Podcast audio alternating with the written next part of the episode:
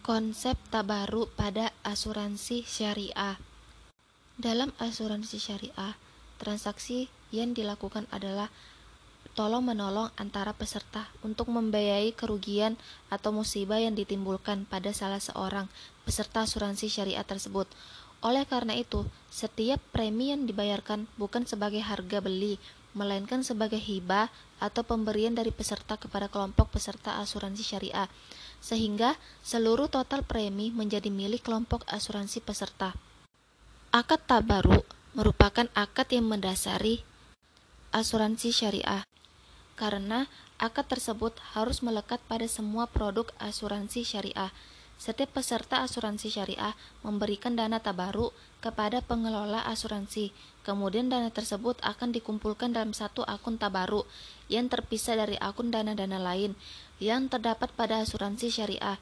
Dana tabaru ini boleh digunakan oleh siapa saja yang mendapatkan musibah, sementara asuransi syariah merupakan lembaga profesional yang mempunyai tujuan komersil pada dana tabaru ini, hanya terbatas pada peserta asuransi syariah.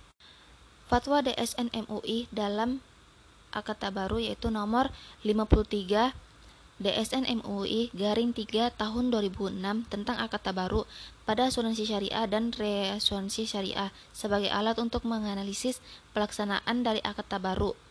Konsep pada akad tabaru. Pada akad tabaru terjadi perpindahan kepemilikan harta dari pemberi kepada penerima secara sukarela tanpa berniat mencari keuntungan dan tidak menuntut penggantian.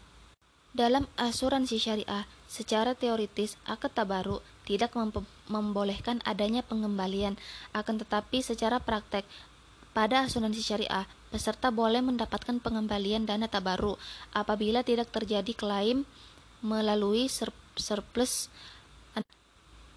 rating. Sementara apabila terjadi klaim, peserta juga berhak atas dana tabaru yang diambil dari kumpulan dana tabaru peserta. Namun, Yusuf Qadawi mengartikan tabaru sama dengan hibah. Apabila dana tabaru yang telah diberikan kemudian ditarik kembali, tidak ada bedanya dengan menarik kembali hibah yang telah diberikan kepada orang, orang lain.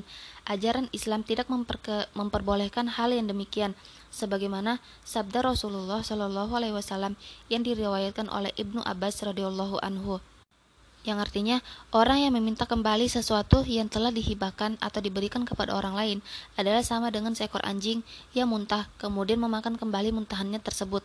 Jadi, dana tak baru diserahkan kepada pengelola harus diiringi dengan niat ikhlas untuk tujuan tolong menolong tanpa adanya harapan untuk mendapatkan imbalan atas apa yang telah diberikan.